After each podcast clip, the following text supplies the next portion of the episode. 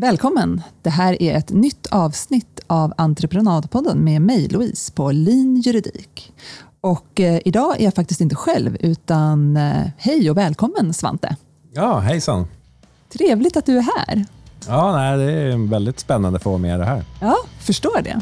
Eh, vad ska vi prata om idag, hade du tänkt? Ja, nej, men jag hade tänkt att vi skulle prata lite om eh, eh risken att man får en man anlitar en underentreprenör som sen blir en anställd fast man inte har tänkt oh. att det ska bli så. Wow, intressant. Byggbranschen är ju full av många olika avtalsled så det, här, det här kan bli jättespännande.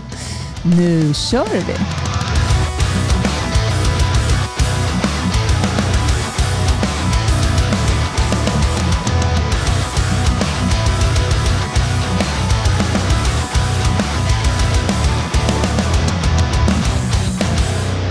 Men eh, innan vi går in på det här spännande, för vi ska faktiskt prata om en människa den här gången. Annars brukar ju den här podden ta upp olika saker. Vi har tagit upp tak tidigare och bland annat och sådana där saker. Men nu, nu ska vi prata om en person.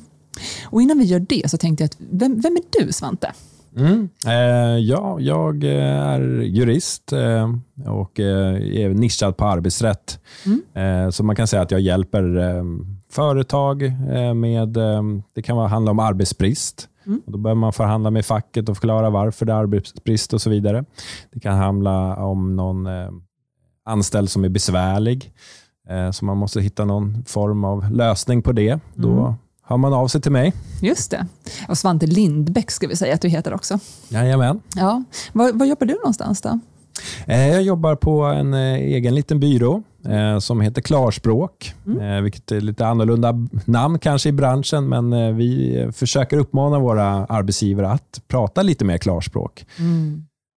anställningsskyddslagen behöver faktiskt inte vara ett problem, men det handlar om att man måste vara tydlig med vilka krav och man måste förklara för folk när de gör fel, så att de har chans att göra bättre. Just det. Så klarspråk, tala klarspråk helt enkelt. Ja, lite så. Ja, det låter jättebra. Jag är mycket för det där. Jag tycker om att man ska tydlighet, enkelhet. Alltså juridiken ska inte vara, det ska inte vara något konstigt mummeljummel någonstans, utan det ska faktiskt gå att tillämpa även om man inte är jurist helt enkelt. Ja, men verkligen. Det är, lagen är inte till för juristerna. Nej, faktiskt inte. Nej. Man får påminna sig själv ja. om det ibland. man får väl göra det. Nej, men gud vad trevligt. Spännande.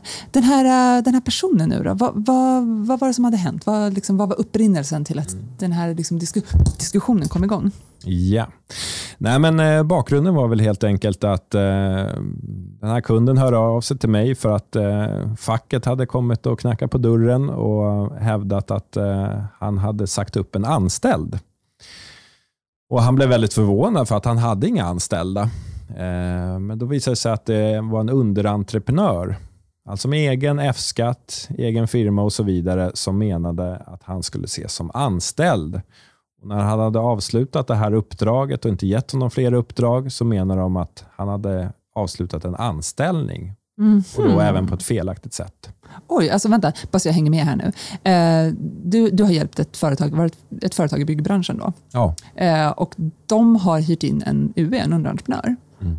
Och så har eh, den här eh, underentreprenören inte fått fler jobb och då kommer facket och knackar på den. Ja, precis. Var det så det gick till? Ja. Lustigt. Men eh, vad hände då? då? Vad, Ja, alltså det som händer då är väl att man, i och med att när facket knackar på dörren, då kan man inte bara undvika det. Ett, för att även fast man inte har kollektivavtal så har ju facket har ju då med hjälp av den medbestämmande lagen så kan de liksom tvinga en arbetsgivare till en förhandling. Mm.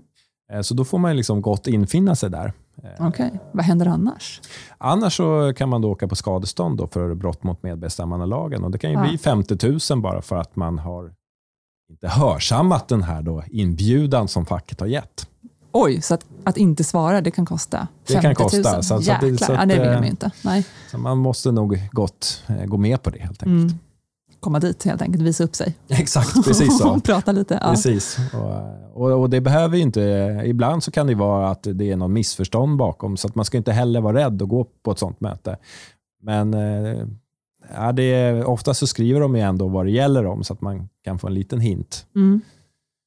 Och Den här kunden blev ju jätte tyckte det var jätteobehagligt att få ett brev från facket och komma till något möte och det stod en massa paragrafer och mm. att han skulle gjort fel. Och det stod även att eh, han kunde bli ansvarig och betala skadestånd. Så han kontaktade ju mig då och ville mm. ha med mig på det här mötet. Ja, men Det förstår jag. Det, det låter ju rimligt. Jag hade mm. nog gjort exakt samma sak faktiskt. Ja. eh, ha, så kom ni på det här mötet och vad hände då? då? Mm. Nej, men då förklarar de helt enkelt att eh, de menar att den här uh, underentreprenören hade varit så osjälvständig uh, och så beroende av uh, min kund. Eh, så att de menade då att eh, det var likna med en anställning och de menar egentligen att eh, båda parter också ansåg att han var anställd. Men att det här var ett sätt att undvika anställningsskyddslagens regler. och Det var därför man hade gjort det att det var mellan företag och företag. Mm -hmm. Men alltså, så, okay, vad du säger till mig är att de har haft någon form av entreprenadavtal i botten, men mm. så menade facket att nej, det här entreprenadavtalet är egentligen ett anställningsavtal. Det finns helt andra villkor i det här avtalet. Precis. Hur såg deras avtal ut då? Alltså, de hade ju inget, eh, de hade inget skriftligt tyvärr. Aha, okay. eh, så, så att, det är klart att eh, de hade jobbat så att så då är det klart att det är svårt. Och då finns det ett muntligt avtal i grunden. Mm. Och Det var ju också en, en, ett problem i frågan, för då hävdade ju arbetsgivaren att det här muntliga avtalet såg ut på ett visst sätt. Mm. Eh, och den som då påstod sig vara anställd menade att det såg ut på ett annat sätt. Hur lång tid hade liksom förflutit sedan att de påbörjade att jobba tillsammans och till att han då hade avslutat uppdraget? Hur lång tid hade det gått? Ja, de hade ju nästan hållit på i tre års tid. Ja. Okay. Eh, så de hade jobbat väldigt mycket tillsammans. Eh, eh, så, så att det, blev ju, det var också så att han hade jobbat så mycket för min kund att han hade inte jobbat med några andra kunder alls under den här tiden. Mm. Så han hade bara jobbat för det här, ja. för din kund, liksom, för det byggföretaget hela tiden. Hur hade liksom själva det praktiska upplägget sett ut? Vem stod för till exempel så skyddskläder och vem handledde den här personen eller arbetsledde den? Och så. Hur, hur såg den biten ut?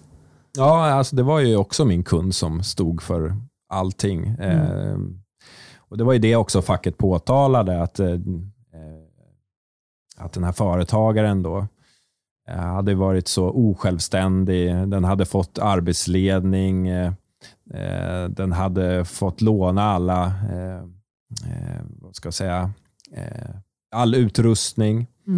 Mm. maskiner, verktyg och allting från min kund. Ja, okay. ja. ja, då börjar jag förstå det här begreppet osjälvständig, att, liksom, att det är någon form av tolkning i det här som ligger, ligger i det. Mm. För det kan jag tänka mig, någon, alltså när man bedömer juridik så eh, använder man Alltså man använder alltid olika tolkningar och eh, självständighet och osjälvständig och så vidare. Jag kan förstå att det påverkar arbetsrätten i det här fallet. Eh, men ehm, hur, eh, hur gick det här då? Mm. Vad hände? Jo, nej men eh, de hade ju faktiskt en hel del poänger, där facket. Eh, det är tråkigt att behöva säga det. Det, det gör ju så lite ont i själen ja, att säga att motparten har, har poänger. Ja, det tycker jo. man ju känns så lite motsträvigt. Ja, men, nej, det, men det är ju tyvärr så ibland. Det är så. Alltså, någonstans så, så, så är det det. Det finns ju regler och det här är ju också mycket hämtat från praxis. Alltså Arbetsdomstolen har tittat på de här mm. frågorna. Och då, då gör de en helhetsbedömning av läget. Hur pass självständig kan den här personen ses? Mm. Ska den ses som eh, anställd eller som eh, företagare? Mm, just det. Och det här så var det ju väldigt lite som pekade på att den här var självständig. Det hade kanske varit tanken från början att var, den var självständig, men så hade den ju liksom, eh, inte haft några andra kunder och bara jobbat för den här eh, kunden. Och Då blev den nog mi, mi, mindre och mindre självständig också ja, under tiden gick. Men det där är lite farligt för att alltså, ibland vill man ju ändå kunna jobba. Alltså, ibland har man ju en kund som man vill jobba ganska mycket med. Ska man inte kunna göra det utan att liksom vara rädd att ses som anställd? Alltså, hur ska man hantera den här biten tänker jag rent praktiskt? Ja, men det, det första är väl egentligen att skriva ett avtal. Mm. Eh, och Där kan man ju också det här avtalet eh, se till eh, kanske att eh, poängtera vad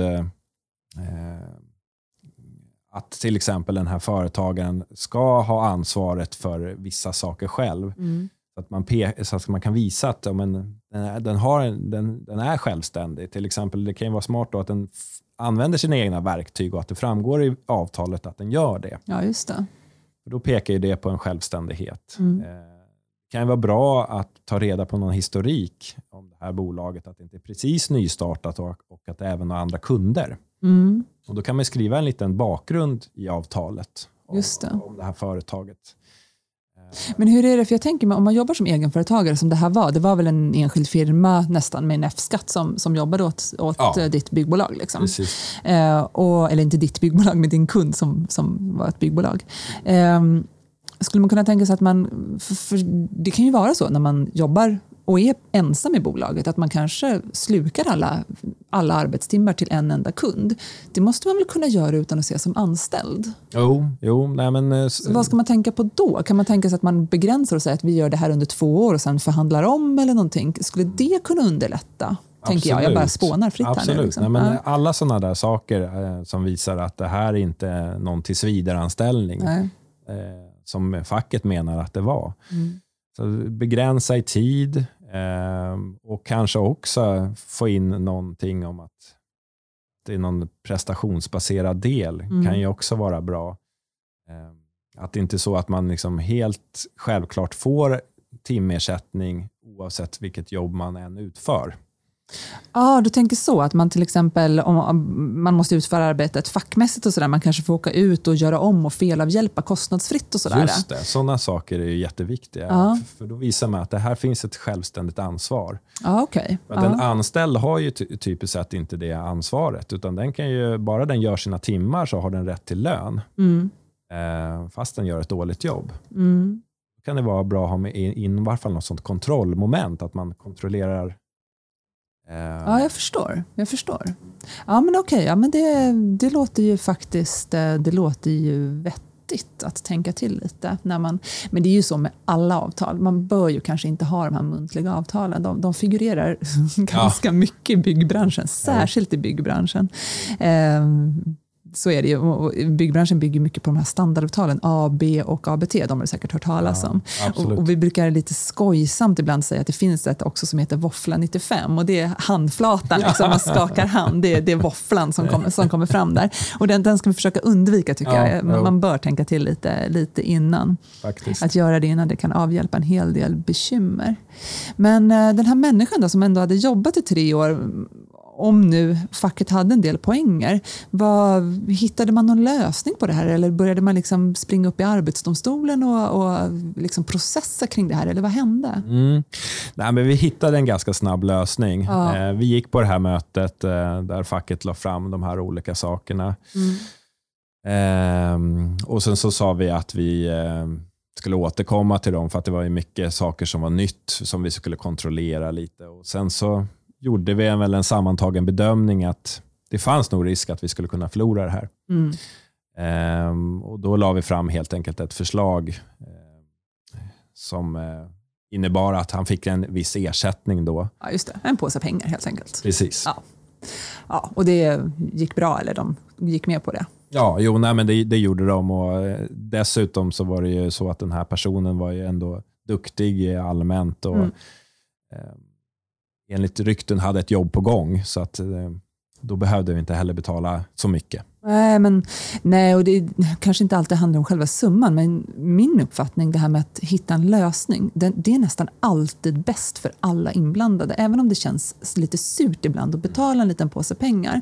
Men om man tänker på vad hade det kostat att inte betala den påsen pengarna vid det tillfället, ja, då ska man ett gå omkring och ha den här surdegen hängandes över sig och det, är- det är ganska besvärande faktiskt. För att man vill ju, jag menar, din kund han vill ju ut och, och bygga mer och liksom jobba med det han är nischad på, inte hålla på och bråka med någon. Och jag kan ju ändå tänka mig att om han har jobbat med den här personen i tre år så finns det ju ändå en, någon form av mänsklig relation däremellan. Man har ju ingen lust att sitta och, och tjafsa på det planet heller. Så att det, där finns det ju en jättestor vinst i att nå en lösning. Och sen är det så här, ser det mörkt ut i, i, i ett sånt ärende så kan det bli ännu dyrare i slutändan. Eh, om man inte betalar en mindre påse pengar nu helt enkelt. Jo, men så är det ju. Och, och det lustiga i det här fallet var ju att facket hade ju också ogiltigt förklarat den här uppsägningen. Vi menar ju inte ens att det fanns en uppsägning. Men då, då... Det här låter jättespännande, tycker jag nu utifrån min juristhjärna som inte kan arbetsrätt så mycket. det låter väldigt bakvänt, men eh, det har de alltså fullt möjlighet att göra då. Och då fanns det ju då risk att han skulle, min kund skulle behöva betala pengar då under hela den här förhandlingstiden. Så att skulle Oj. det här gått vidare då till Arbetsdomstolen, vilket kan ju ta ett år, då hade min kund fått betala lön då under hela den här tiden. Oj! Så eh, det kan bli kostsamt. Arbetsrätten låter jättekomplicerad måste jag säga. Ja, den, den, har, den har aspekter som, som jag inte alls är med på. Det är, det är faktiskt så, alltså när man jobbar som, som jurist så får man ju frågor om alla möjliga saker. För att de tänk, alltså jag tror att många som inte är jurister tänker sig att man behärskar all juridik och det gör man ju mm. inte. Och det finns två områden som jag aldrig går in i och det är arbetsrätt och det är skatterätt. Det är liksom, de, de är så himla nischade. Så att jag, är så här, jag är jätteglad att du är här idag och kan prata lite kring det här. Eh, och en sak som jag också skulle vilja ta upp det är det här med eh, byggbranschen hyr ju in ganska mycket personal idag. Mm. Alltså man hyr in, oftast på timme, eh, så hyr man in och så betalar man per timme. Man betalar då ja, men åtta timmar om dagen för vad vet jag, tio personer som man hyr in som jobbar eh, under en viss, viss tid helt enkelt. Finns det några risker här att de ses som eh, arbetstagare helt plötsligt? Att man står och har råkat anställa ett gäng tio pers liksom? Ja, just det. Nej, där, eh, känns som risken är väldigt liten. Eh, så länge i alla fall man anlitar något bemanningsföretag som är lite större storlek. Mm. Eh, och inte ses som någon konstruktion. Det finns ju sådana. Men anlitar man ett seriöst bemanningsföretag så ska man inte vara rädd för det. För då finns det ju ett bemanningsföretag som liksom i grunden tar ansvar för anställningstryggheten. Och Då tror jag Aha. Arbetsdomstolen är lite nöjd med det. Ja, ja, ja. Så det viktiga är att en människa ute på bygget ska ha en anställning någonstans i botten. Det, liksom, det finns en trygghet med det. Eh, Okej, okay, ja, men då är jag med. Då är jag med. Det, det låter ju faktiskt ganska rimligt eh, när man tänker efter.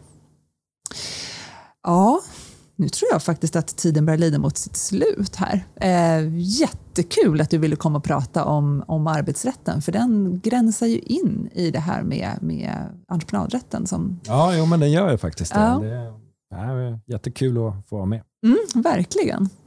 Tusen tack Svante Lindbäck för att du kom. Eh, hör gärna av er till Svante om ni har några eh, frågor kring arbetsrätt. Han finns på företaget Klarspråk eh, och du har säkert någon hemsidaadress då. Mm, ja, precis. Den är så enkel som klarsprak.nu. Så det är ett A istället för ett Å där. Klarspråk, klarsprak.nu. Stämmer utmärkt. Nu också. Ja, ja precis. Det Skynda er, nu ska ni höra över till Svante. Ja, det är bra. Även jättetack. Tack för idag hörni. Ha det så bra. Hej hej. Du har nu lyssnat på Entreprenadpodden med mig, Louise, på Lean Juridik. Har du en fråga eller någonting som du tycker passar som ämne i den här podden? Mejla mig på entreprenadpodden snabela linjuridik.se. Alltså entreprenadpodden snabela linjuridik.se eller så kan du kika på min hemsida linjuridik.se för mer information. Men eh, till nästa gång hörni, ha det så fint. Hej hej!